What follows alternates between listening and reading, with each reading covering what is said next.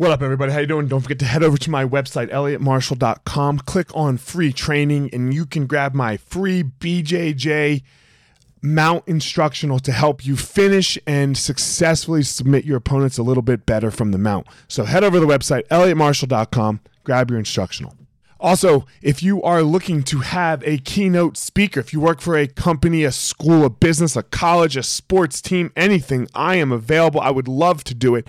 Head over to the website, elliottmarshall.com, click on speaking, and submit your info there. So, elliottmarshall.com, speaking, I would love to come talk at your company, school, college, or team.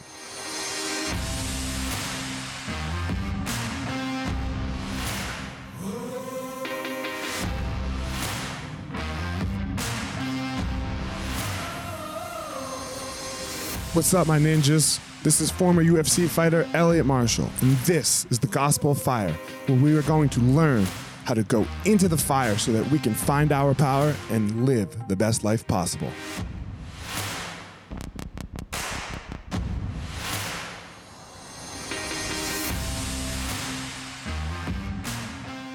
This episode of the podcast is with Matt Thornton. Matt Thornton is a long time, forever, I would say, martial artist and the founder of the SBG uh, schools of, of martial arts, Brazilian Jiu Jitsu, Muay Thai, and things. So um, we had a great talk about his beginnings in martial arts and his search for what he calls the truth in martial arts. So I really enjoyed it. I hope you do too. Without further ado, here we go. Matt Thornton. Matt, what's going on, man? How are you? Good. How you doing? I'm doing well, man. Um, I just asked you offline a second ago who who was on your shirt. So uh, uh, let's talk about it. Who is that?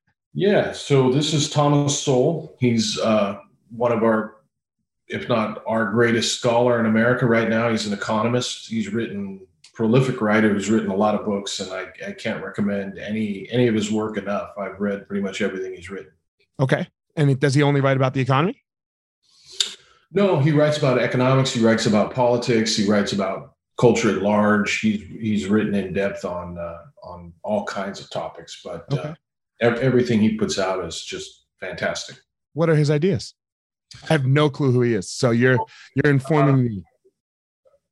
I would I would uh, explain Thomas Sowell as someone who is interested primarily in the truth on what's true and he wants to know what's true rather than what he hopes is true. And to find that out, he vigorously goes through the data meticulously to come to his conclusions. And then he writes books explaining how he reached his conclusion with all his citations. And uh, he's very effective, very clear, like all good thinkers. I think he's, you know, what he writes is, is not obfuscated in any way, and anybody can understand it, whether they have a background in economics or not. So I think he's uh, something somebody I think everybody should read. I'm gonna check him out. Give me a good book to start. Give the give everyone a good book to start. Where where should we start with the Thomas Sowell book adventure? He wrote a recent book. Well, recent. I think it came out about three or four years ago. Called, uh, if I remember correctly, "Discrimination and Disparities," which is short. You can read it in a day, and where he lays out um, a lot of the things that are being discussed every day in this country now as it relates to uh, racism, economics, and disparities in the data and what can or cannot explain them. So, you know, that would be a book that I'd like to see everybody read, actually. Okay. One more time. What's it called? Discrimination and disparities. Discrimination and disparities. All right. I, I could be slightly wrong, but if somebody types that in and types Thomas Sowell, Thomas Sowell. Disparities right. and discrimination could be the other way. Great. So I'll, I'll check it out. Cool. Um, the other thing we talked about is that you are the founder of SBG, which is yep. Straight Blast Gym. And I work with a couple of, uh, well, you know, well, they have two schools now, yep. and and and I, and I work with them, so we have a common connection there. Um, you're a lifelong martial artist. When did that When did that start for you? Oh boy, I've I've been interested in martial arts ever since I knew martial arts existed. Uh, my dad briefly put me in karate when I was like uh, nine or ten. I think I went maybe six months. That was about it.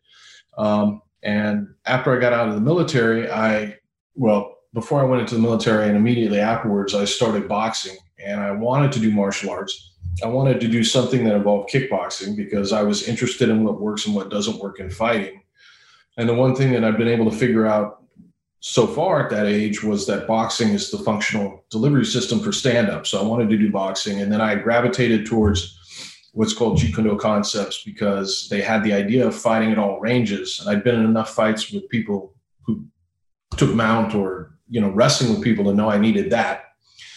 Um, I became an instructor in that, taught for a few years, became disillusioned with with that and the community. And around that same time, as I was having that having that kind of uh, come to Jesus moment, if you will, I ran into Gracie Jiu Jitsu through Fabio Santos and Rickson Gracie, and I was immediately hooked. And so I went off to start my own school, not because I wanted to teach, but because there was no such school in existence at the time, at least not where I lived in Oregon, and I wanted people to train with. I started a school 100% only for having people I could I could train jujitsu with, and that's that's what uh, SBG began as in 1992. How did you? Uh, who taught you?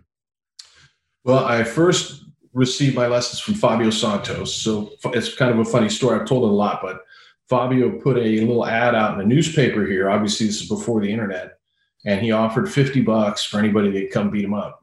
And I was boxing at the boxing gym six days a week, getting beat up all the time. And I thought, well, I'll go get 50 bucks to get beat up. And, um, you know, it was the typical thing where Fabio asked me to hit him and then take down mount. Looked like UFC one. He's he he was fantastic. He was such an awesome guy. Um, I liked him immediately. I knew immediately what he had was truth, and I wanted it. And so I I took some lessons from him. And then shortly after that, Rorion Gracie messaged him and um, told him to come move to I think it was San Diego or Torrance at the time because he wanted uh, he knew that first UFC was going to start soon. I think it was about a year before the UFC, and Fabio was or or Rorion was already planning on the influx of students that he knew he would have. So he wanted Fabio to move down there to become a teacher for him, and so that was it. And I would just you know roll and do what I could do. And then I met Rickson somewhere in there at a seminar. He came to Oregon and um, he Ironman rolled with everybody at the seminar, including myself, and tapped everybody out without using his hands. He just put his hands in his belt. And again, I was blown away. I thought this is the magic that I've been looking my entire life for. Uh, trained with Rickson, brought Rickson up after that, where he stayed for uh, a little over a week. He gave me my blue belt and after I got my blue belt, he gave me my blue belt, and I said, you know, I I, I have to teach because I need training partners, and he gave me permission to teach, provided I always was honest about where I learned it from. And he said he wanted me to call it, you know, Rickson Gracie or or Brazilian Jiu Jitsu, which I always have. And um, he didn't want you to call it Gracie Jiu Jitsu. Well, Rickson Gracie Jiu Jitsu. I mean, he always had the had an ongoing battle with his brother. Battle with Rorion. Yeah. But but Rickson's point wasn't about it was that give credit where credit is due. He didn't want me teaching it and calling it some other martial arts. So, okay, got it, got it. I will, uh, I will, and have always honored that. Um, so I started my own little school. I went down to compete as a blue belt, and by that time, Rickson had begun to fight in Japan and was almost impossible to get a hold of. And coincidentally, I ran into Chris Haueter, who was who had just gotten his black belt, was one of the first American black belts. I like I really like Chris a lot. Um, you know, he he and I uh, liked each other, and he was very good at explaining things to me in a way that nobody had explained up to that point. And so I was been with Chris ever since. He gave me my purple, brown, and black. I've always trained with Rickson whenever I can, and there's a strong uh, current of Rickson Gracie Jiu Jitsu that has always run through SBG and is even stronger now since we have uh, Henry Akins as part of the organization, and he's just an amazing resource for Rickson's jujitsu. Uh, so that kind of fundamental jujitsu that was about fighting, or what we used to call vale tudo, has always been what we taught, we, we teach here at the gym. But like I said, I received my purple, brown, and black through my coach, Chris Haueter. Got it. Um, you're so close to the origin. It's it's very cool, right? Like uh, I'm very lucky in the sense that Amal, my teacher, um, moved to Brazil, and mm in I don't know 92 93 somewhere in there mm-hmm. and literally grew up in at Gracie Barra. so nice um I have a very, I get to have a very close connection with the family because I was his student for a long time and competing in the tournaments. And, you know, I was doing well. So I have a close connection with the roots of jujitsu as well. And I don't think many people have that these days anymore, right? Like, um, it's something no, that is a whole, uh, there's a whole generation of, of black belts even out there now who I don't, you have never had any access or uh, influence from Rickson and don't, I think in many ways don't realize what that kind of jujitsu is like or about. Yeah, I can say I might be one of them. I've I've never I've never had any access to Rickson, you know, but uh, I have to, for example, like Carlinhos mm-hmm. and and Renzo. mm-hmm. and uh, I did get a really cool. I won a really cool trip to. I, I won Rorion's tournament, nice. and and uh, the winner got to go to Brazil and stay with Helio. So I got a week of Helio. You know, I can't say I had a ton of Helio access, but I think there's something to the old school generation of of jujitsu. You know, really understanding the fundamentals. Really understanding. You you were probably around during the day. Look, for us, there was no internet, right? Like there was there was no internet, there was no structure to class, there was there was no nothing. Like I think we did side control escape and guard pass for yep. most of my first year of jujitsu. You know, you know, and my side control escape is pretty solid. yeah, the only escape I even knew for mount was for the first probably four years I did jujitsu was Zumba. Right, right, because that's so heavy. That's so so heavy. Yeah, on especially the the uh, Helio side of the family is yeah. is the bridge and roll. You know, yeah. I can remember the the first time that I went and then when I went to Helio's house, I was the biggest guy there. And he's like, oh, you know, he's trans, you know, Rorion's translating, oh, you know, tell the big guy to come mount me. Yeah. And, and you know, Helio's 90 something years old. And I'm yeah. like, what? No, you know, like, he's like, no, get him down here. And I'm like, okay. Like, and he wants very to cool. do the buck and roll, you know? Yeah. So, nice. um, it's, it's a very interesting, like, uh, that close to the, to the lineage. Where do you see, uh, the game now moving? Right. Like, like how do you feel about the the current state of jiu-jitsu and where it is yeah um, i think it's evolved and i think that's good and i think the athletes of today in particular i would i would point to gordon ryan are amazing so um, you know his, his record and, and, what he's accomplished speaks for itself. I think it's um, and this is a natural evolution of the sport but i think what has happened is you know the art has branched off into different specialities and you have no gi grapplers who who just focus on grappling without the gi without strikes and then you have the gi jiu-jitsu ibjjf specialists and then you have uh, a few who still jiu-jitsu primarily for mma and you have the the strain of jiu-jitsu that's evolved within mma um, i think if someone is very very good no matter which one of those branches they focus on, they're going to be by definition very good at the fundamentals. And I think those fundamentals transcend those different environments. So one of the things I try and do at SBG and what the organization is really about is focusing just on those fundamentals. So I have students who fight MMA. Obviously, we have good fighters from our organization like Conor McGregor. Um, I have students who've won IBJJF World Championships. I have students who do mostly no-gi. I have students who do jujitsu, who, whose primary teaching as it relates to jujitsu is with law enforcement or military. So the fundamentals allow you to transcend those different environments and play with any of them. But when you get to somebody like, for example, Gordon's level, you know, his fundamentals are so strong that he'd probably do well whether he put the gi on or fights or not. I think he does well. I think he does just fine in the gi. I do um, I think you do well in fighting to a certain point for sure mm-hmm. but then then it's going to end right you have you have to focus on fighting sure. uh and he is the best no gi right there, there's no question i wish he would stay off the internet a little bit but it's it's made it work for him but you know that's a, that's a whole other topic of, of of things um when was it your idea to start straight blast like what what where where are the beginnings and where did it go and and how did you make it happen yeah well I had met rickson I had just come back from that seminar where I watched him tap everybody out. He tapped me out with one hand. And I came back and told the other instructor at the school I was at, the guys, the people that I, my peers within the 80 community about this, experience and about what I what I had seen, and I could tell they weren't interested.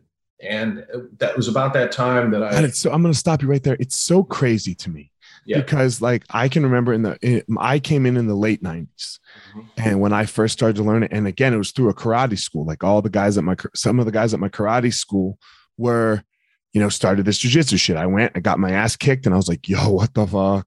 Right. You know, because I was a triple black belt in karate, whatever the hell that meant. Uh, and I couldn't do anything. And my my friend was was also a triple, you know, third degree black belt, and he beat the dog shit out of me. Mm-hmm. Three of us, four of us were like, "Yo, what's this?" And everyone else, and this was a massive school, was like, "No, no." What what it what was that resistance by traditional martial artists to be like, "No"? What do you think that was? Well, uh, I don't know if you remember many years ago, Donald Rumsfeld got up and gave a speech where he started talking about known knowns and unknown unknowns and things like that. And in the case of these guys, it's it, they think they know about fighting, but they don't, and that's a dangerous place to be. So you know you can be ignorant in such a way that you know you don't know something, which is healthy and allows right. you to learn. You can be ignorant in such a way that you don't know you don't know something, which is not as healthy, but um, but still gives you a chance to learn. Or you can be ignorant in a way where you think you know something that's not true, and it's actually not true, and that's the dangerous part. And the thing about the JKD guys, the, many of them anyway, is they had an idea that they could fight because they've been training in these various martial art, but what they had not done is what we now call MMA or what, what I was doing at the time, which is just putting on gloves and just fighting until somebody tapped. There was no timer. There was nobody came in and broke it up.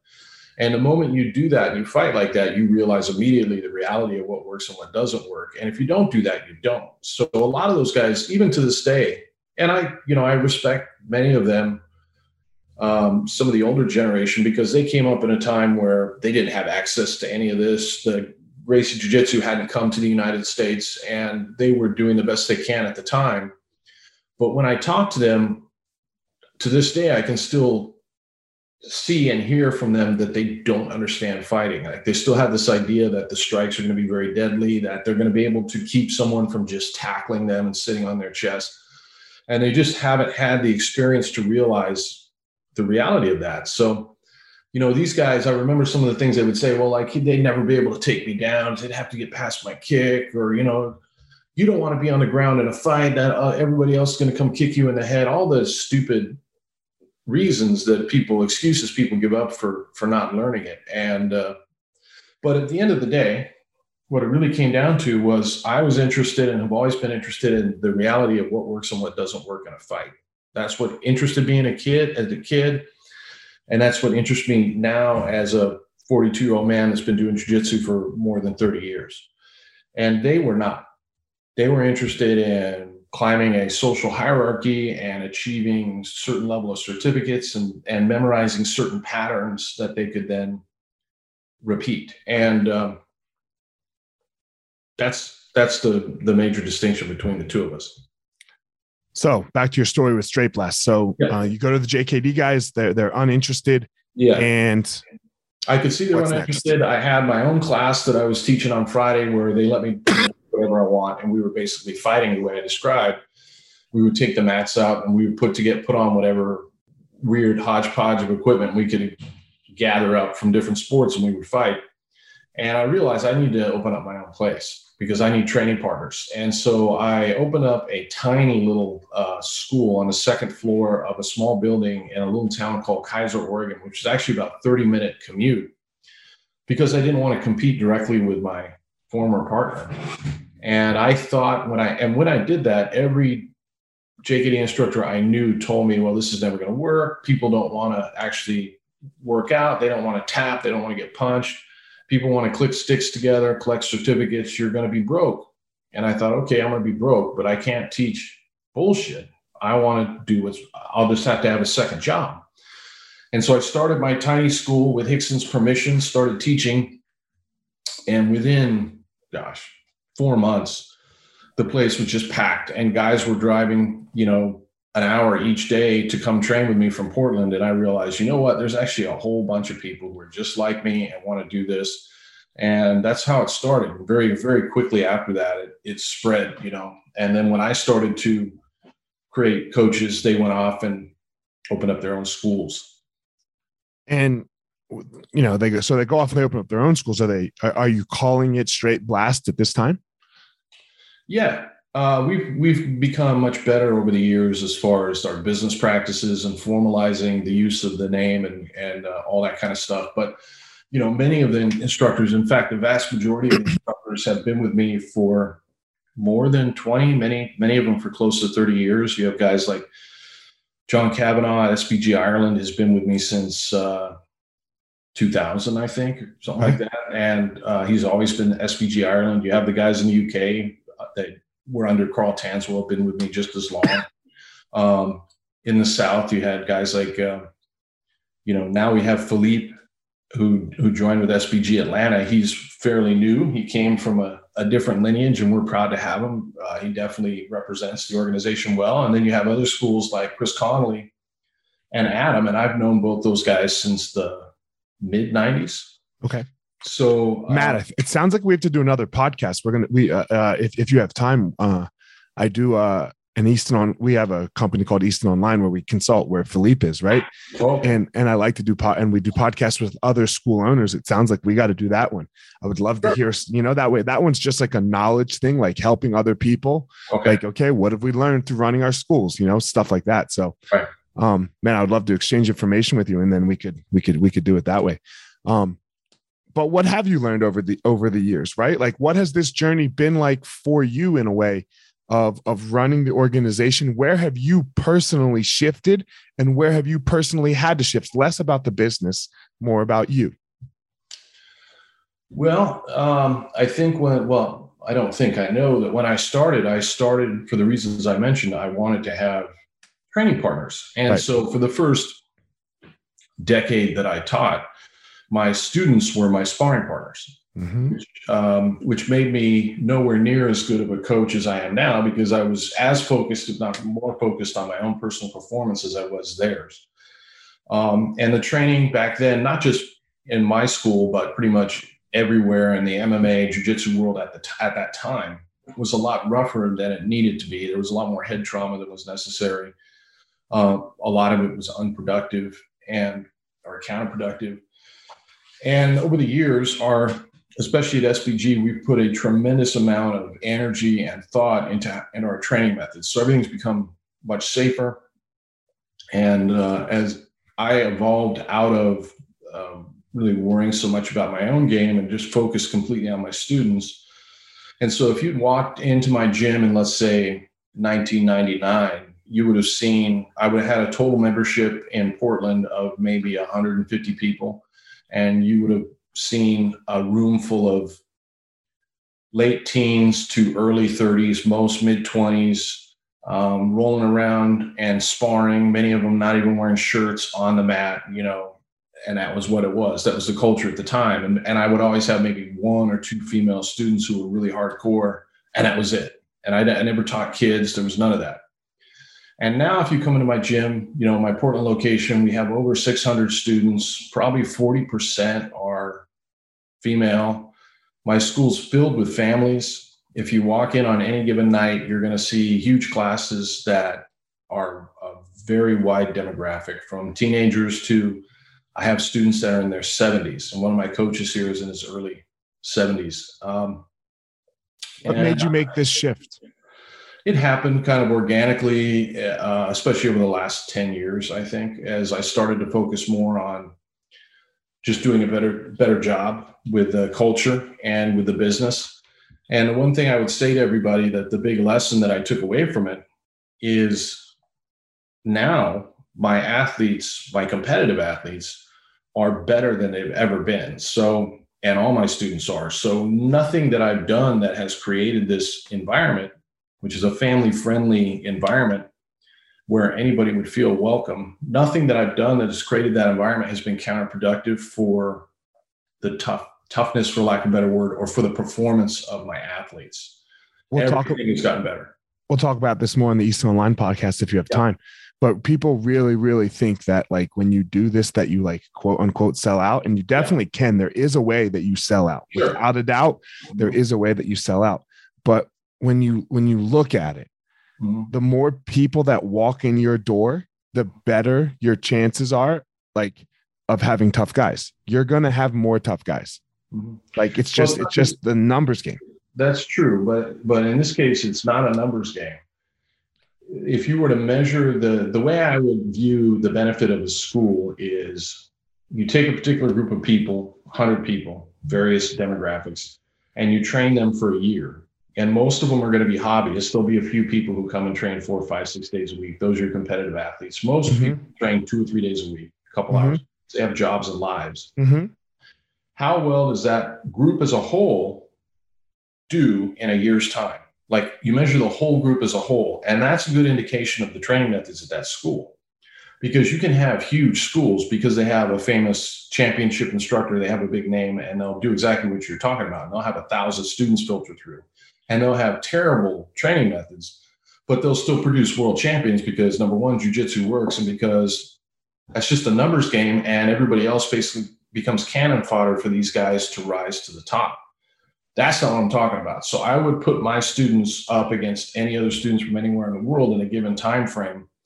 So there is no compromise. And So you're saying as a group. As a group is Yeah. how you want to measure your training methods. Because in the other case where you're just getting it in the numbers and you get some people to rise, those are people who are getting good in spite of the training methods, not because of them. I see what you're But saying. Here, you know, the people that I take the most pride in teaching are the people who need jujitsu the most, which aren't the strongest people. They're not the people that walk in the door and are already going to be a pain in the ass in a fight. They're the people who who maybe scared of fighting or who used to get picked on or who were quote unquote weak at the time.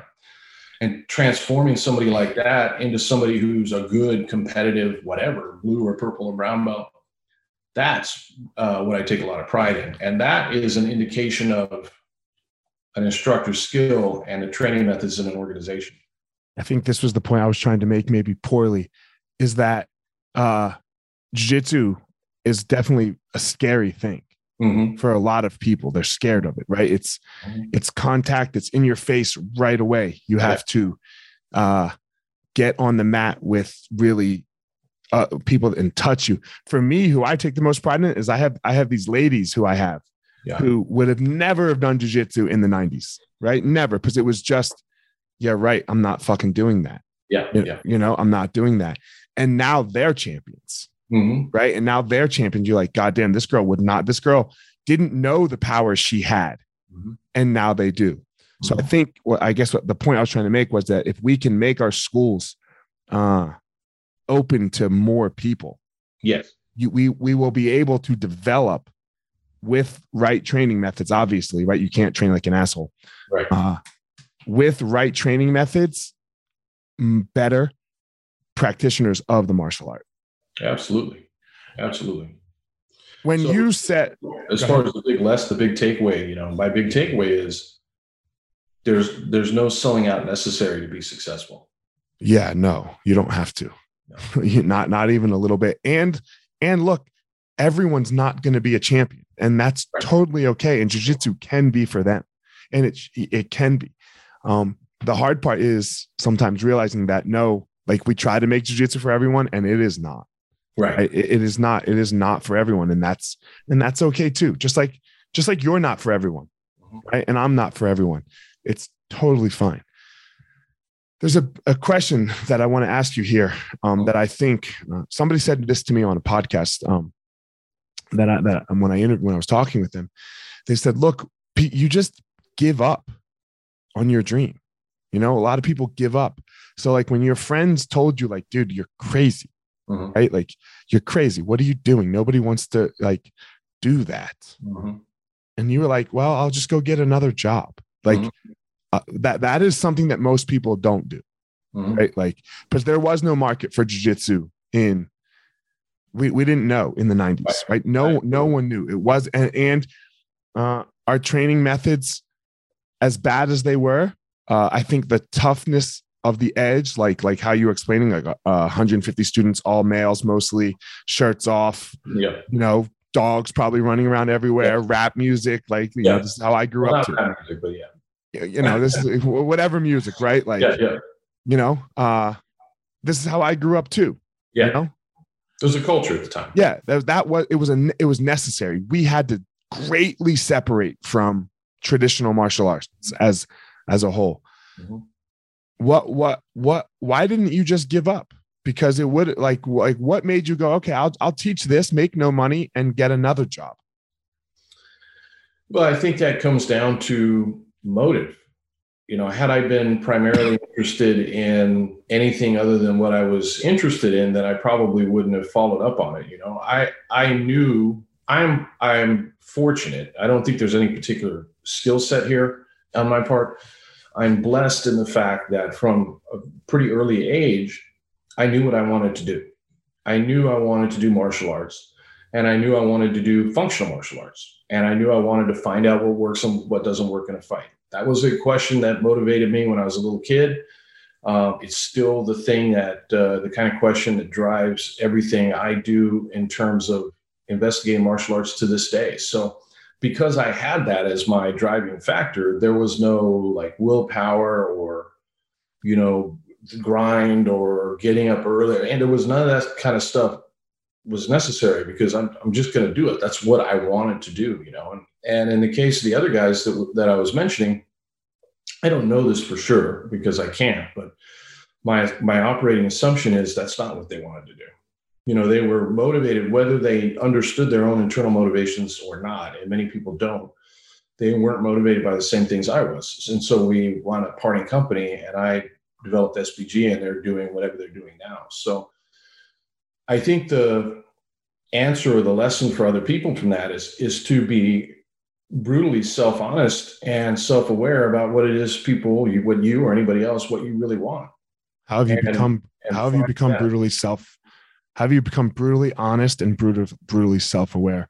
Because i think i would say most people think they are. Oh, i'm very right you know this isn't like uh i don't know i mean the line i always use is everyone thinks they're good in bed but you don't get you don't get to say that right. you know like like you know nobody walks around going i'm fucking terrible in bed.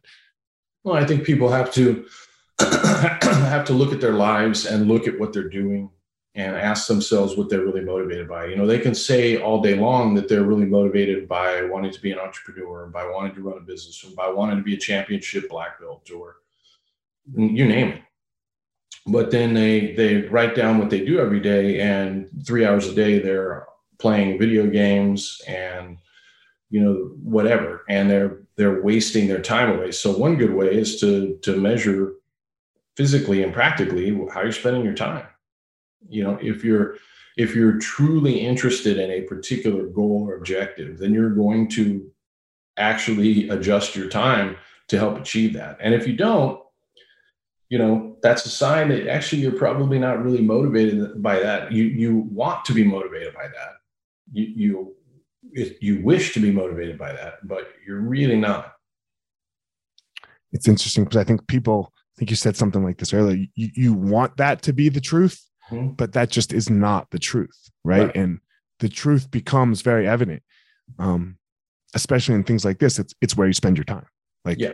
like it's a hundred percent where do you spend your time and it's time money and thoughts mm-hmm. right like and these are the for me my three delineators of uh what I like to call not my core values as a as a human, like what I believe in, integrity, loyalty, loyalty, things like that. But what do I value?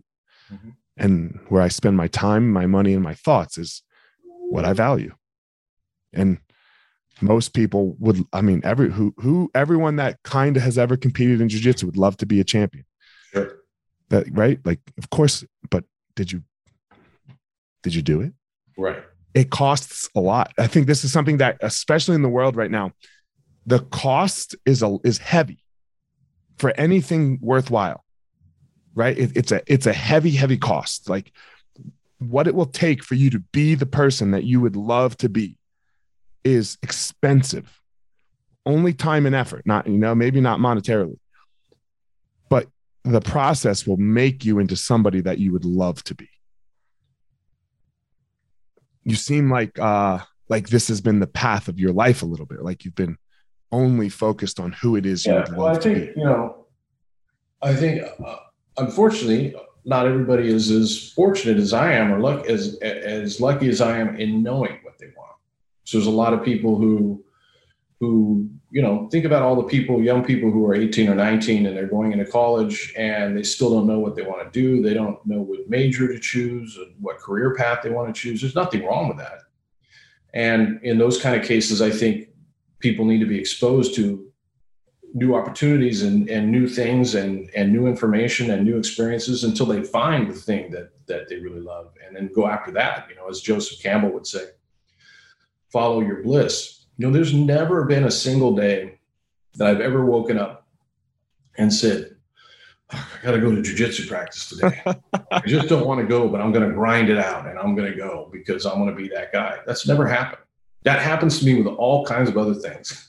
Long list Yeah. never happened with jujitsu. So I was, you know, fortunate in that sense that I found what I what I love, and I I don't think everybody is is that lucky, and I don't have a solution for them other than to be open to new experiences and new ideas and go out there and explore the world and find what you like. I mean, that's the only solution. I don't, I don't, I, I've never found another.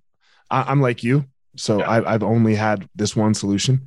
I Mhm. can't say I'm that lucky. I, I can definitely remember some times um, in some of my fight camps when I was like, man, I do not want to fucking train today, you know, because I got so beat up the day before. I was so tired or whatever. Uh, so I, I can't say that was that that that is true for me. There's de- there's definitely some of those days. Sure. Um, but yeah, you have to try things. It doesn't have to be jujitsu. Maybe jujitsu is not for you. It, it is for me. It's a hard thing for me currently with my children because I think jujitsu is so important. Yeah. You know, I think it's so important. But my kids are gifted, especially my youngest, at ball sports. Mhm. Like this kid has a fucking 10 pack and he can almost do a 30 inch box jump and he's eight years old. Mhm. You know, he runs fast, jumps high. Like, and I'm like, God damn it. You know, you know, and, and jujitsu, I'm trying to like take it easy on him on the jujitsu because like I don't want to fight with him. So, you know, maybe his path is something different. I hope he finds jujitsu someday. Uh, he's going to. I'm going to Yeah. force him at least once a week. But, um, but yeah, find your path. Yeah. You know, find your path. A couple questions um, as we start to close it up here. Um, first of all, I believe everyone has a unique power about them, and and and that it's that thing that they go give to the world.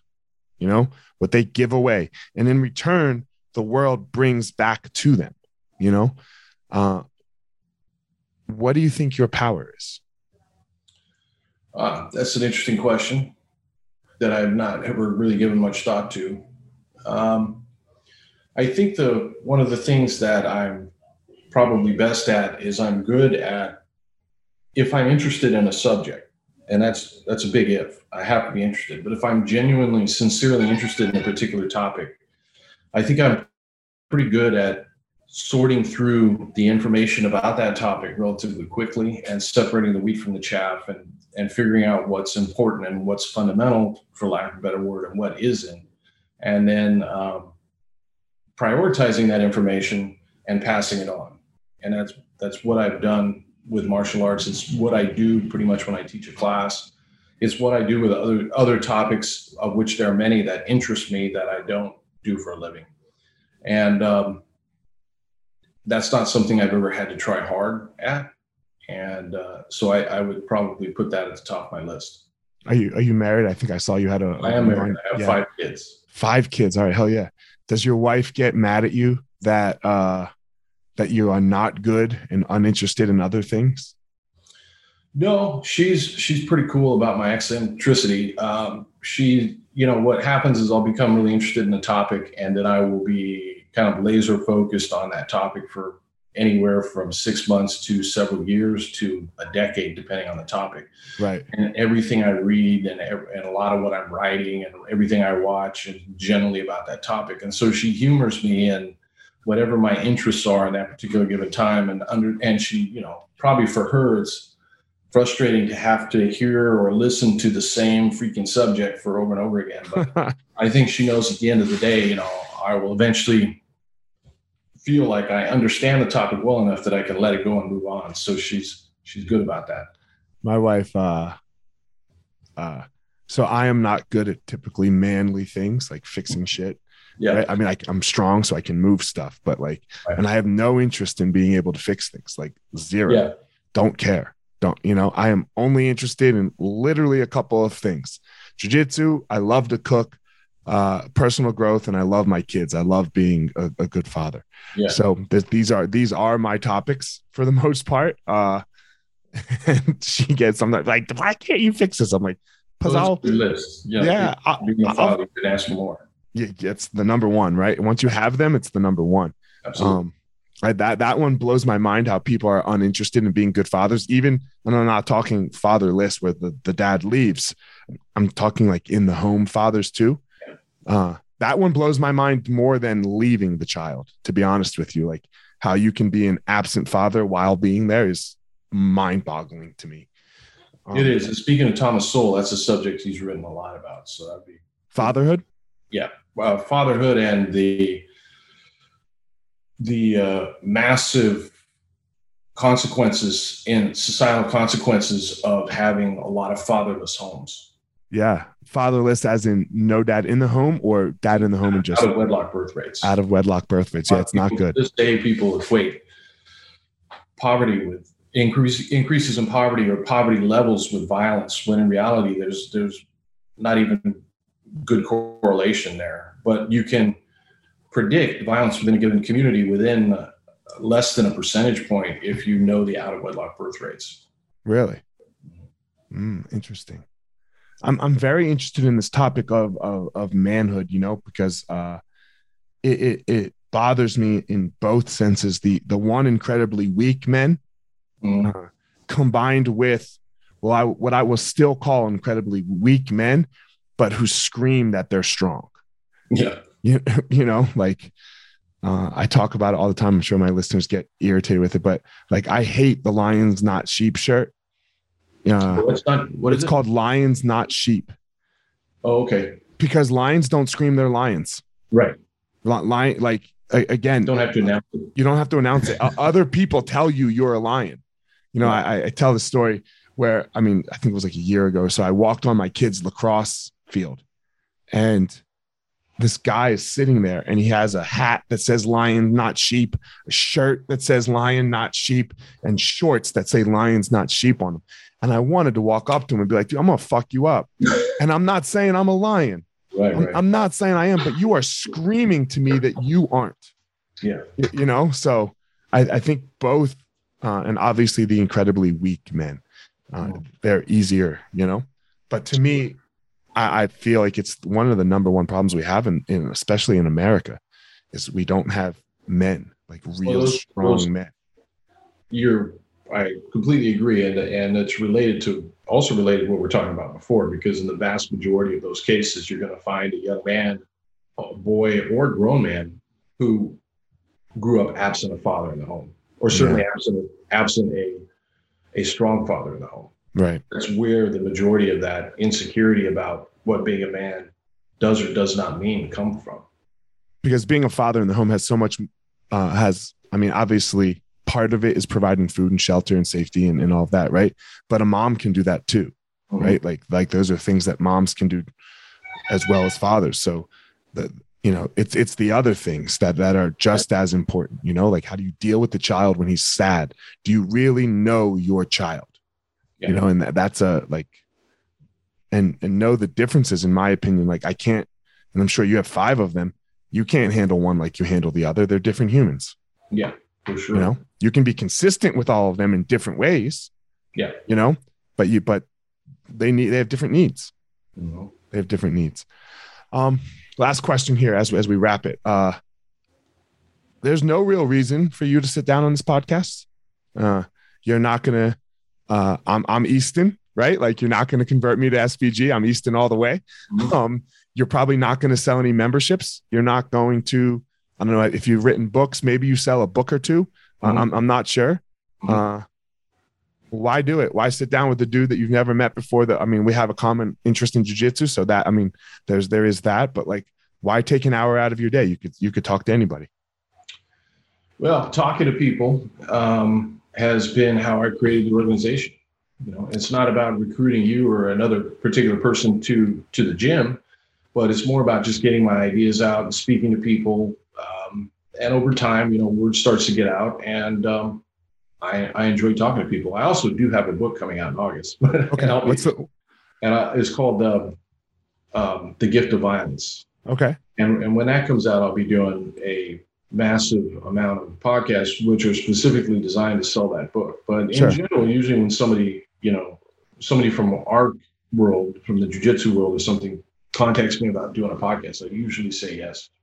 Why not? And um, as the head coach and you know kind of founder of the organization, I think I also feel a kind of fiscal duty uh, to you know keep putting the word out about the gyms in in many ways that's a big part of my job yeah no, I, I agree with you. So, um, I ask this question all the time, and I explain it on every podcast: is that uh, we don't always need this like immediate monetary ROI, Right. which is what we think about in the world when we think about okay, your time, and you know, people talk about what's your ROI all the time.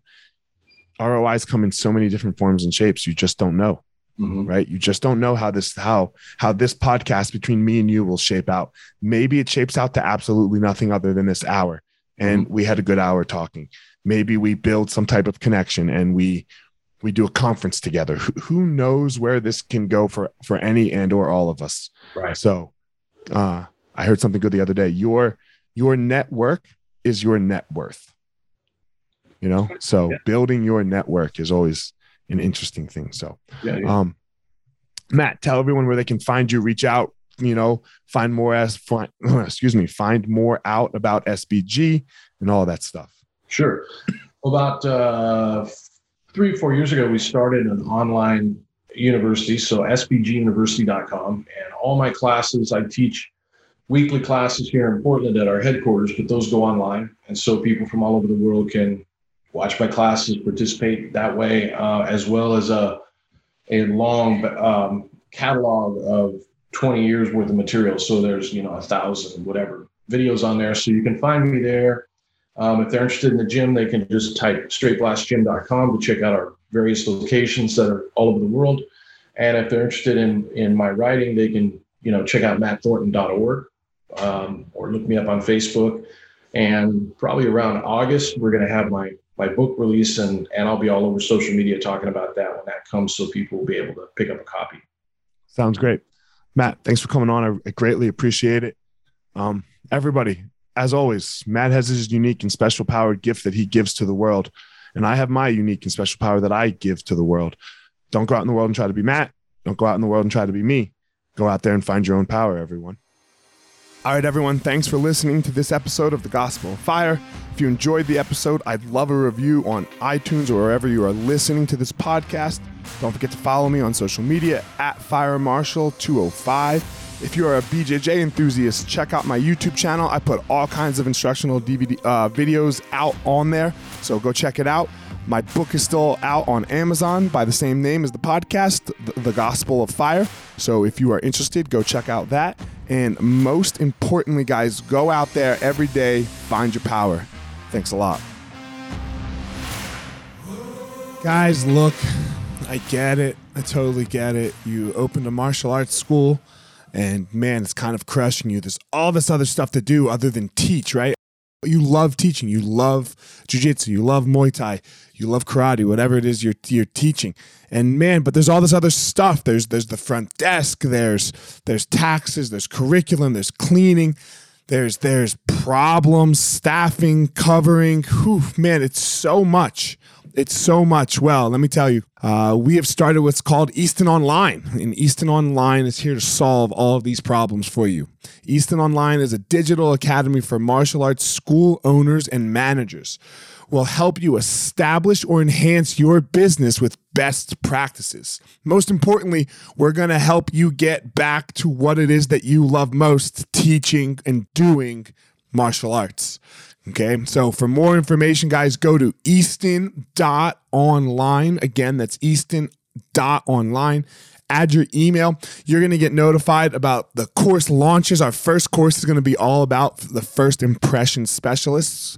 your front desk and all kinds of stuff special offers promotions as well as we started a podcast by the same name easton online that's going to talk about our process of how how we went from a tiny little martial arts school to what is now seven martial arts schools, seven Brazilian Jiu Jitsu Muay Thai schools, um, in a very holistic way that we believe um, kept the integrity of the art and also deals with its people very well. So again, easton.online, enter your email, and you're gonna get all you're gonna get everything you need right there. So thanks guys.